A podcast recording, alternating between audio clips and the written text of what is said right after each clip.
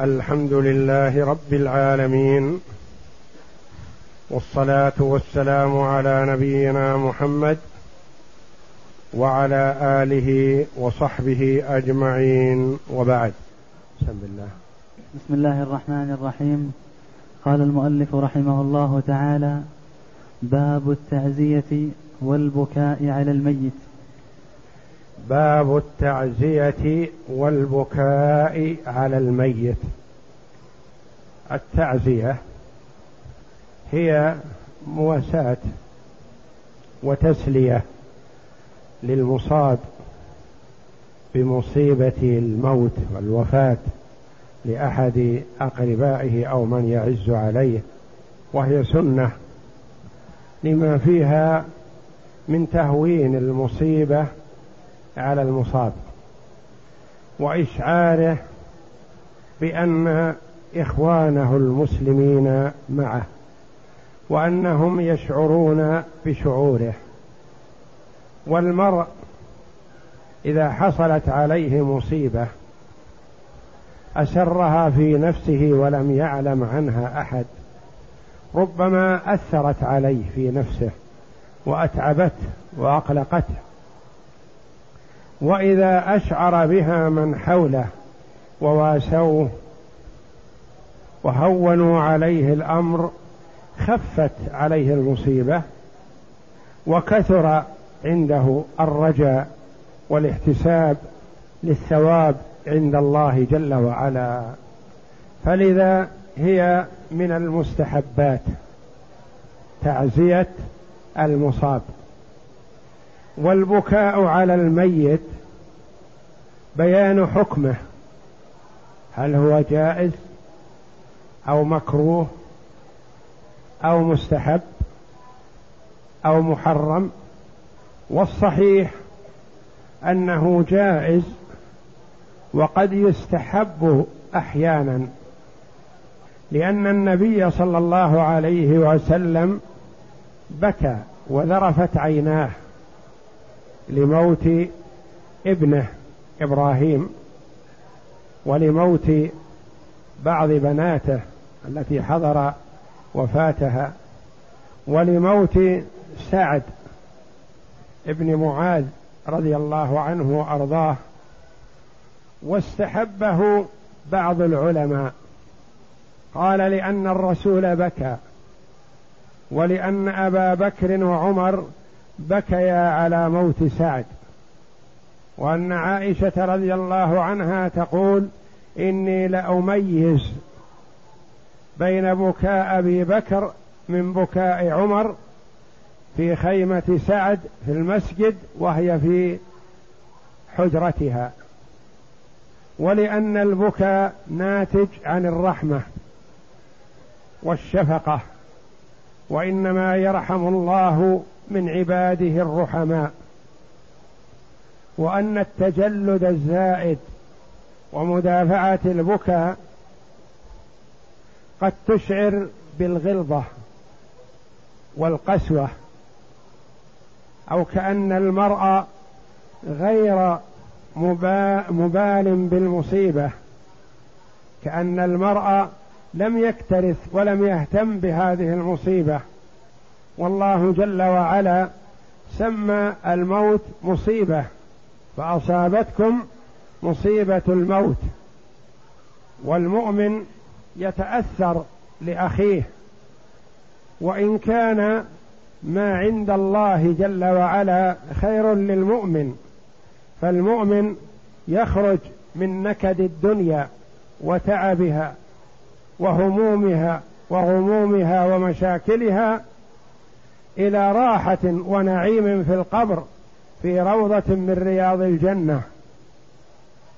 ويفتح له باب إلى الجنة. ويرى منزله من الجنة فيسر. ويدعو قائلا رب أقم الساعة.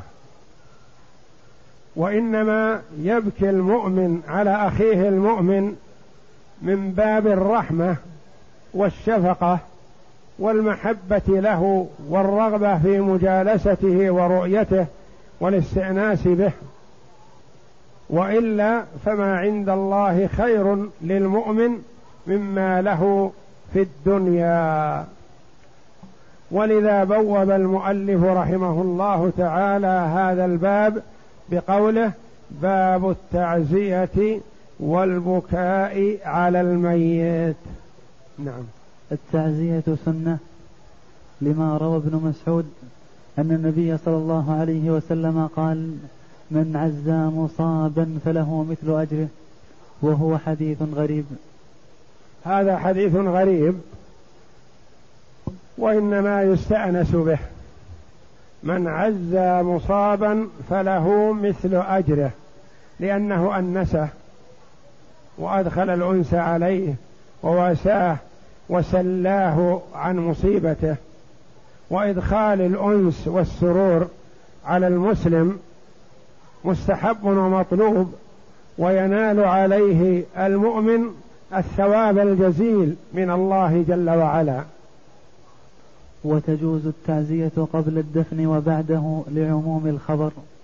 وتجوز التعزية قبل الدفن وبعده.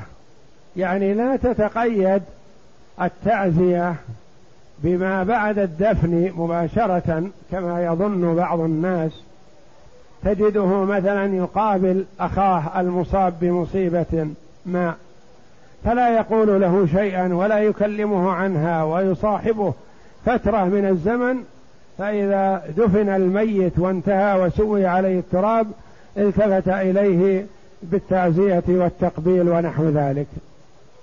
الأولى أنه حينما يلتقي به بعد علمه بالمصيبة يعزيه سواء كان شيع الميت أو لم يشيع بعد أو لم يغسل أو لم يكفن يعزيه حينما يرى أخاه وهو يعلم أن أخاه قد أصيب بمصيبة بموت قريبة يعزيه مباشرة.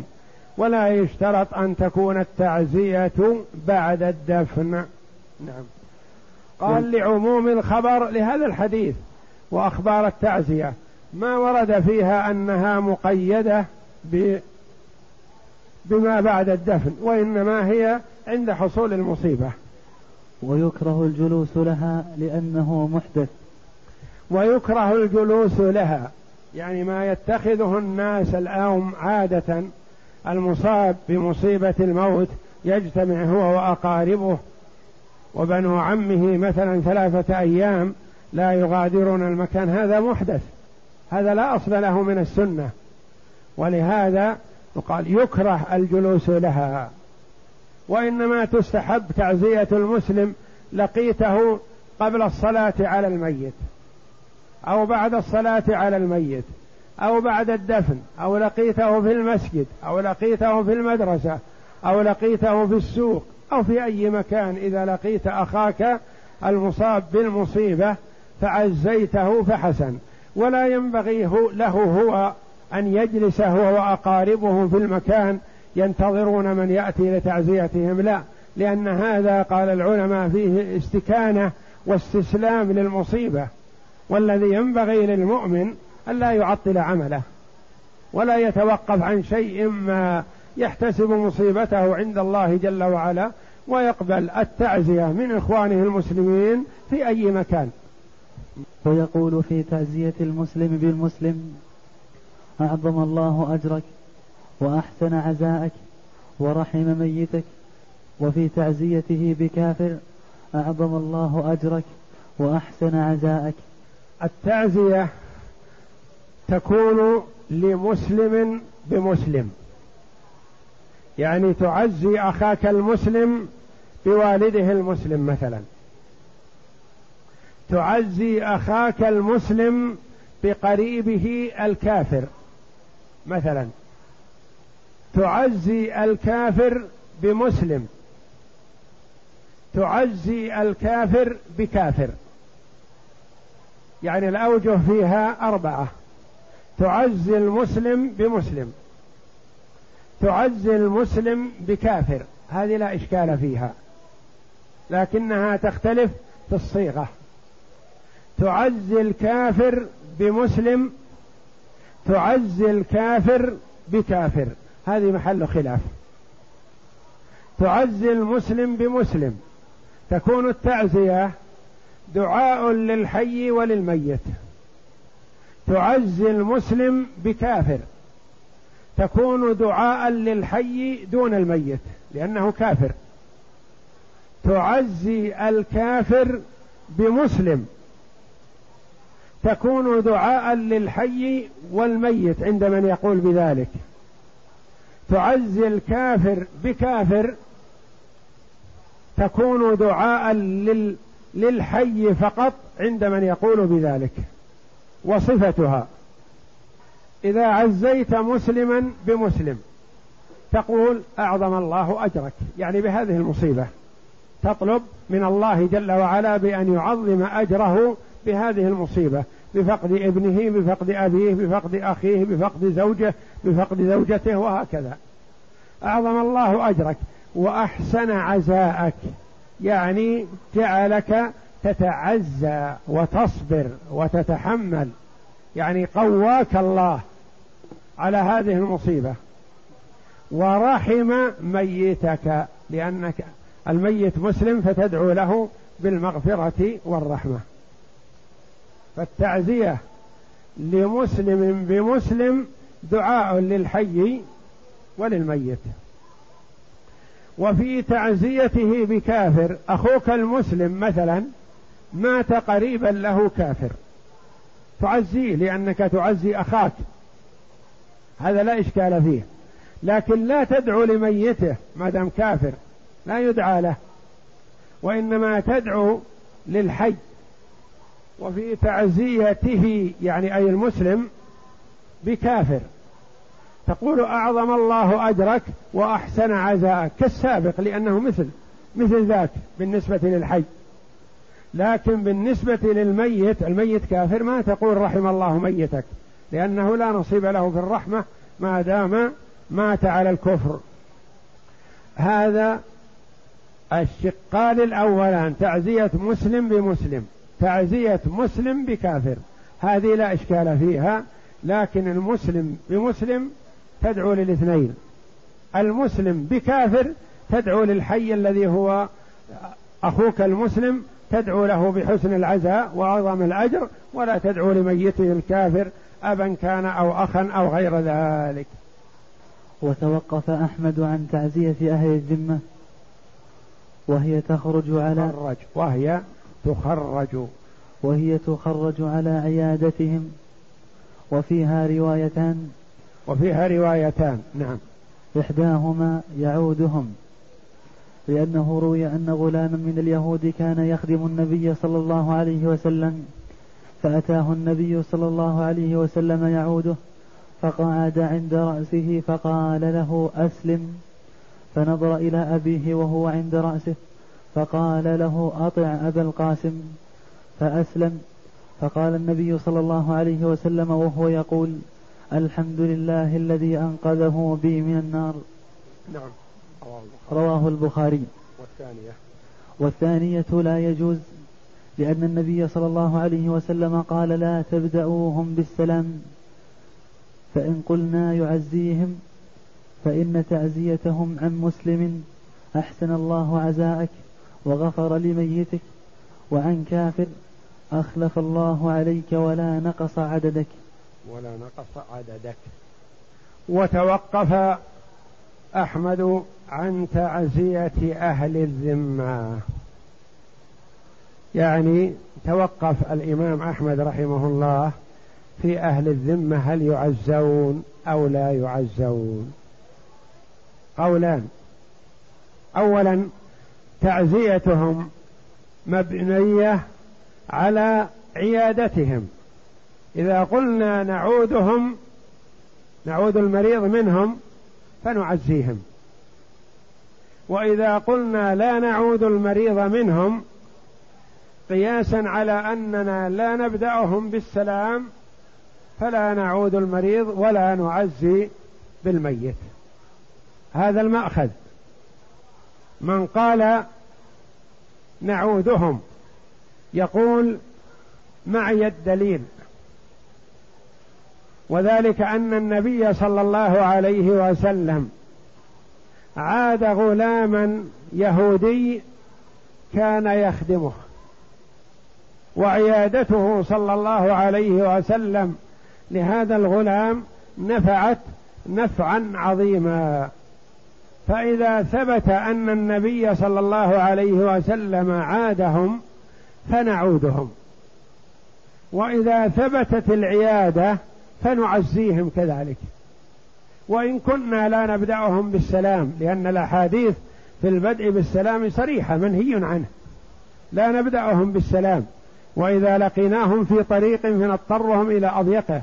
يعني لا نفسح لهم الطريق نمشي مع وسط الطريق ولا نبالي بهم. لكن العيادة شيء آخر غير السلام. السلام وأنت عابر وهو عابر. لكن إذا عدت ربما تكون عيادته سببا لنجاته من النار سببا لإسلام غيره. فالنبي صلى الله عليه وسلم عاد هذا الغلام هذا النبي عليه الصلاة والسلام من كرمه وتواضعه وحسن خلقه. غلام شاب ليس ذا قيمة أو ذا مركز مثلا أو ذا محلة اجتماعية أو له قيمة. شاب صغير. مرض عند ذويه عند أهله فعاده النبي صلى الله عليه وسلم. فلما عاده عليه الصلاة والسلام ما تركها عيادة فقط بل دعوة. الولد في حالة موت مريض. وأهل الكتاب يعرفون منزلة النبي صلى الله عليه وسلم لكن باب العناد والجحود والعداوة ما قبلوا منه صلى الله عليه وسلم وإلا فهم يعرفونه كما يعرفون أبناءهم. لا إشكال عندهم في ذلك. فقال النبي صلى الله عليه وسلم للغلام أسلم. وانظر إلى حكمة النبي صلى الله عليه وسلم. بدأ بالغلام وهو الصغير لأنه مريض. والأب لم يقل له شيء. ولو بدأ بالأب فأبى ربما أبى الابن تبعا. أو أخذت الأب النخوة والعصبية والحقد فأبى على ابنه أن يطيع محمدا صلى الله عليه وسلم. فبدأ صلى الله عليه وسلم بالإبن فقال أسلم. في ساعة اعتذار الآن مفارق للدنيا وبإسلامك تكون من أهل الجنة. فرفع الغلام طرفه إلى أبيه. كأنه يستشيره. فقال الأب أطع أبا القاسم. يعرف أنه صلى الله عليه وسلم لا يأمر إلا بالخير. يأمر بما فيه السعادة الأبدية والحياة في الجنة والنعيم. قال أطع أبا القاسم. فشهد أن لا إله إلا الله وأن محمد رسول الله فمات.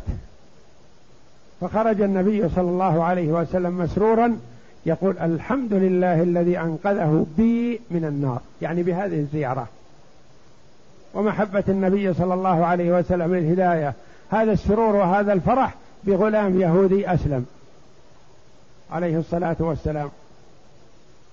فمن هذا يؤخذ أنها تستحب عيادتهم إذا كان المرء يتوقع أن يحصل لها نتائج طيبة. إما إسلام المريض أو إسلام من هو عند المريض أو الشعور منهم بلطف الإسلام وسماحة الإسلام وحسن خلق المسلمين لأن في هذا دعوة للإسلام. فيحسن بالمسلم إذا تعامل مع غير المسلمين أن يأتي بأكمل ما يستطيع من حسن الخلق والمسامحة والمعاملة بالحسنى لأن سلفنا الصالح رحمة الله عليهم كثير منهم دعوا إلى الإسلام بأفعالهم وليسوا بطلبة علم ولا بدعاة لكنهم عاملوا البلاد المجاورة لهم في معاملتهم معاملة حسنة وتمكنوا من غشهم فلم يغشوهم وتمكنوا من خيانتهم فلم يخونوهم. فتعجبوا من ذلك. قالوا كيف يعني؟ نحن وإياكم على خلاف. ومعاملتكم لنا معاملة حسنة. ما تعاملوننا على ضوء ما نعاملكم نحن. قالوا لا ديننا يأمرنا بهذا. هذا ما هو ما هو لأجلكم أنتم. هذا تمسك بديننا. قالوا دين يأمر بهذا إنه لدين حسن. فدخل كثير من الكفار وخاصة من النصارى لأنهم أقرب من غيرهم. دخل كثير من النصارى بالإسلام بمعاملة غير المسلمين لهم من التجار والعمال ونحوهم. وهم ليسوا بدعاة لكنهم متقيدين بآداب الإسلام. فيجب على المسلم أن يتمسك بإسلامه وبأخلاق المسلمين في بلاد المسلمين وفي غيرها. وفي غير بلاد المسلمين يكون أشد تمسكا لأنه يدعو إلى الإسلام بفعله ومعاملته. إن غش قالوا هذه أخلاق المسلمين. إن خان قالوا هذه أخلاق المسلمين. إن ائتمن فكان أمينا قالوا هذه أخلاق المسلمين. إن تلطف ونصح ولم يغش قالوا هذه أخلاق المسلمين. وهكذا. فهو يدعو إلى الإسلام بالخير بأفعاله الحسنة أو ينفر عن الإسلام بأعماله السيئة والعياذ بالله. فكثير من الذاهبين هناك اليوم بعكس سلفنا الصالح ينفرون عن الإسلام بسوء معاملتهم. شديد الكثير منهم يحصل منه الخيانة يحصل منه الغش يحصل منه الزنا يحصل منه الاستهتار وعدم المبالاة بشرب الخمر. فينفر عن الإسلام بأفعاله السيئة فعليه إثمه وإثم من اقتدى به والعياذ بالله. فإذا استشعر المسلم أن زيارته لهذا المريض سيكون لها نتائج طيبة فيعوده اقتداء بالنبي صلى الله عليه وسلم. وإذا كان يستشعر أنها لا فائدة فيها وأنه لن يقبل منه أو ربما يكون فيها ضرر يقول هذا مثلا مسلم ضعيف يتقرب إلينا أو يتحبب إلينا بالزيارة وهو يبغضنا ونحن نبغضه. فمثل هذا لا يستحق أن يزار. الرواية الثانية عن الإمام أحمد و قال بها جمع من العلماء قالوا لا يزارون لا يعادون. لماذا؟ يرحمكم الله. قالوا لأن عيادتهم من باب السلام عليهم والنبي صلى الله عليه وسلم نهانا عن السلام عليهم. فنقول لا عيادتهم إذا توقعنا أن يترتب عليها مصلحة فنعودهم كما عاد النبي صلى الله عليه وسلم الغلام اليهودي. وإذا توقعنا أن يترتب عليها مفسدة فلا نعودهم. نعم. فصل. ثم في صفة التعزية عند من يقول بها. تعزي مسلم تعزي الكافر بمسلم. مثلا يكون الحي كافر والذي مات أبوه أو أخوه أو قريبه مسلم. ماذا تقول له؟ تقول أحسن الله عزاءك يعني قواك وصبرك على هذه المصيبة. هذه تقال للمسلم والكافر لا إشكال فيها. وغفر لميتك لأن ميته مسلم. فأنت تدعو لميته بالمغفرة وتدعو له بحسن العزاء. ولا تقول عظم الله أجرك لأن ما له أجر يعظم. ما يؤجر. هو يعطى ثوابه في الدنيا إذا كان له ثواب. وعن كافر إذا كنت تعزي كافرا بكافر. ماذا تقول؟ تقول أخلف الله عليك. يعني عوضك الله في الدنيا. ما تقول عظم الله أجرك لأن لا لا, لا أجر له. أخلف الله عليك ولا نقص عددك. كذا بالنصب. يعني ولا نقص الله عددك. قال بعض العلماء رحمهم الله هذه الدعوة الأخيرة ترجع للمسلمين. كيف ذلك؟ يقول جعل الله عددكم في زيادة حتى تؤدوا الجزية. لأن هذا في أهل الذمة. فأهل الذمة يؤدون الجزية. فإذا زاد عددهم أدوا جزية أكثر لأن الجزية على على الروسية. ولا نقص عددك.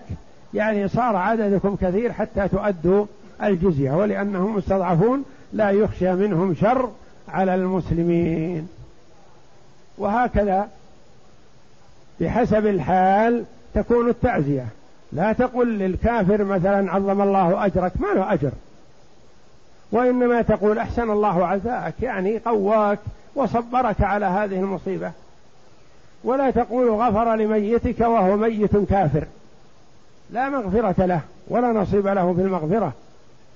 إن الذين كذبوا بآياتنا واستكبروا عنها لا تفتح لهم أبواب السماء ولا يدخلون الجنة حتى يلج الجمل في سم الخياط. إذا كان الجمل يدخل في ثقب الإبرة فالكافر يدخل الجنة. فصل. والبكاء غير مكروه.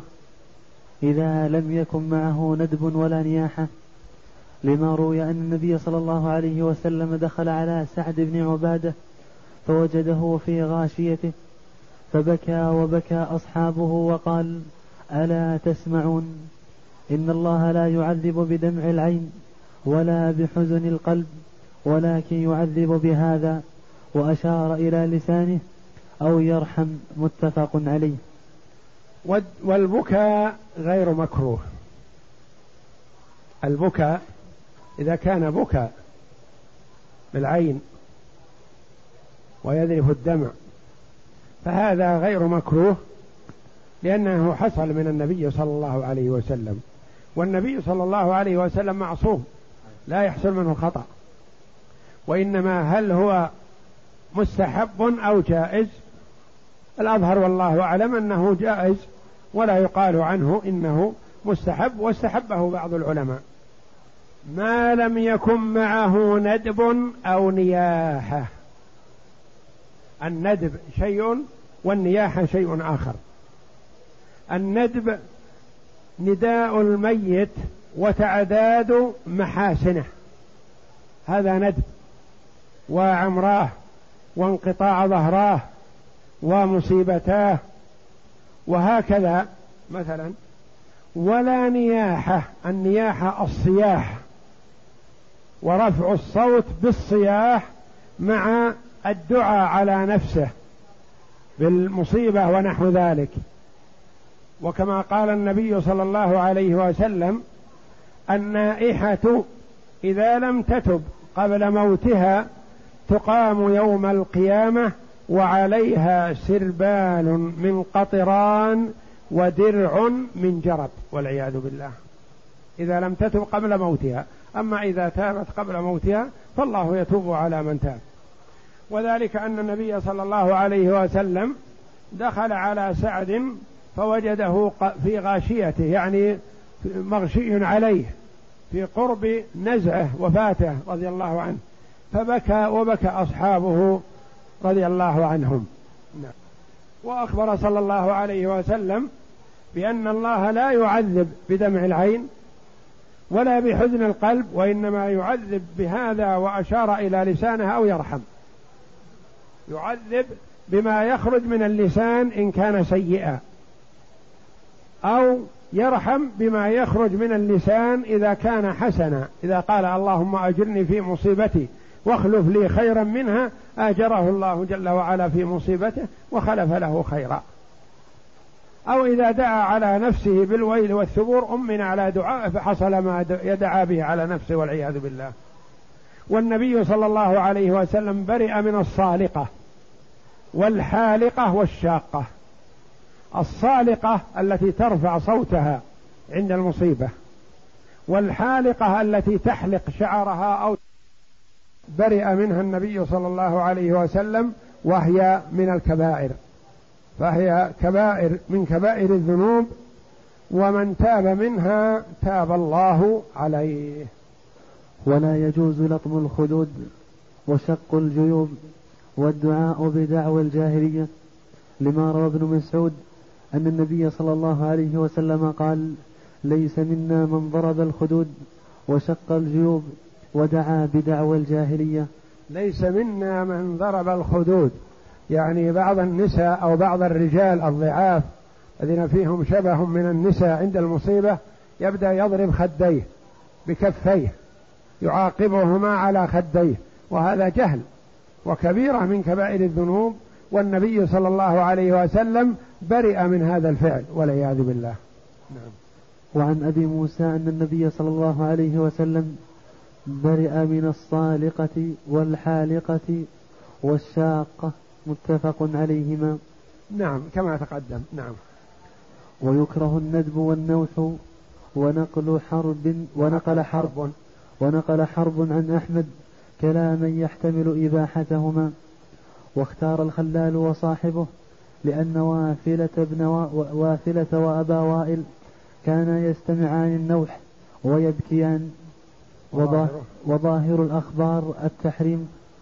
قال أحمد في قول الله تعالى ولا يعصين ولا يعصينك في معروف هو النوح فسماه معصية. وقالت أم عطية أخذ علينا النبي صلى الله عليه وسلم في البيعة ألا ننوح. متفق عليه. ويكره الندب والنوح. الندب كما ذكرت قبل قليل هو تعداد محاسن الميت والنوح الصياح الشديد والدعاء على نفسه دعاء المرء على نفسه. هذا قال يكره. وروي عن حرب عن أحمد قال يباح. وقال في الأخير ويحرم. ونقول إنه على مراتب. قد يكون حراما وقد يكون مكروه وقد يكون مباحا. فالمباح مثلا كقول فاطمة رضي الله عنها لما مات النبي صلى الله عليه وسلم والمكروه إذا عدد شيء من محاسن الميت لا داعي إليه وإن كان صدقا. والمحرم إذا دعي دعا المرء على نفسه بالبول والثبور أو دعا الميت بأمور لم يكن كذلك وإنما كذب. قال مثلا هذا جابر الكثير هذا مطعم الأيتام هذا كذا هذا كذا يعدد أشياء ليست من محاسنه. وإنما هي كذب. يلصقها بها بها النواح مثلا والكذبة يذكرونه بأشياء هو ليس من أهلها فهذا محرم. فهو بحسب ما يصدر ويحصل والله أعلم. يعني لا يقال عنه إنه كل ما يصدر من هذا محرم ولا يقال إن كل ما يصدر مكروه ولا يقال إن كل ما يصدر مباح. بل إذا كان الشيء واقعا وحقيقة فهو مباح. وإذا كان فيه شيء من المغالاة لكن ليس فيه كذب فهو مكروه. وإن كان كذبا فهو محرم. وينبغي للمصاب أن يستعين بالله تعالى وبالصبر والصلاة ويسترجع.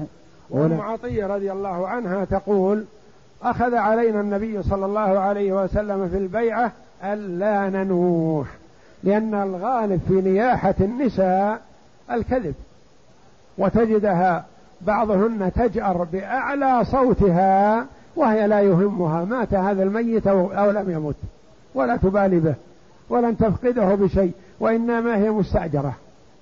أكثر النائحات مستأجرة يستأجرها أهل الميت لتنوح لهم تصرخ وتزعق على عليهم وعلى من حولهم ويتفرجون على هذا وهي لا تبالي بهذا الميت ولا تهتم له.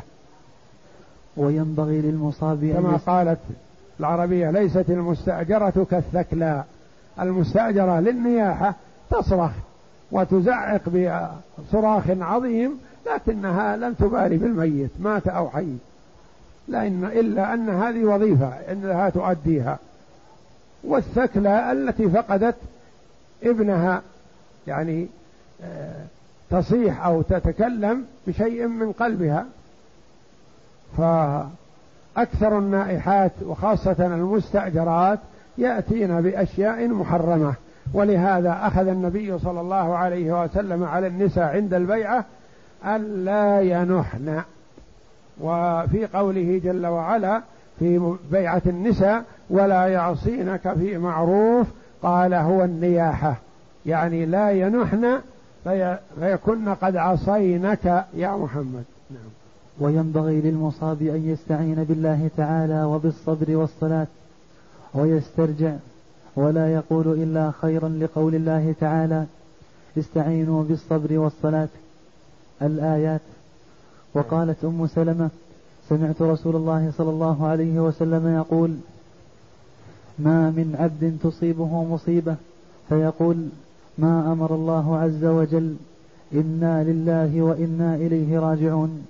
اللهم اجبرني في مصيبتي واخلف لي خيرا منها إلا آجره الله في مصيبته وأخلف له خيرا منها.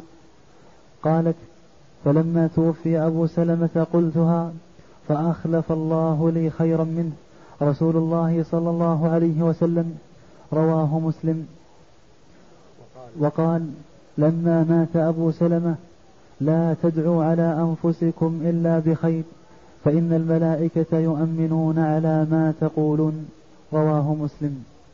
وينبغي للمصاب بالمصيبة أن يستعين بالله تعالى وبالصبر يتصبر ويتجرع المصيبة ولا يظهر الجزاء. بالصبر والصلاة يتوضأ ويصلي ركعتين بعد المصيبة. امتثالا لأمر الله جل وعلا. واستعينوا بالصبر والصلاة. يعني يستعين بالصبر بالتصبر. ويستعين بالصلاة يصلي لله تقربا إليه. قالت أم سلمة رضي الله عنها سمعت رسول الله صلى الله عليه وسلم يقول ما من عبد تصيبه مصيبة.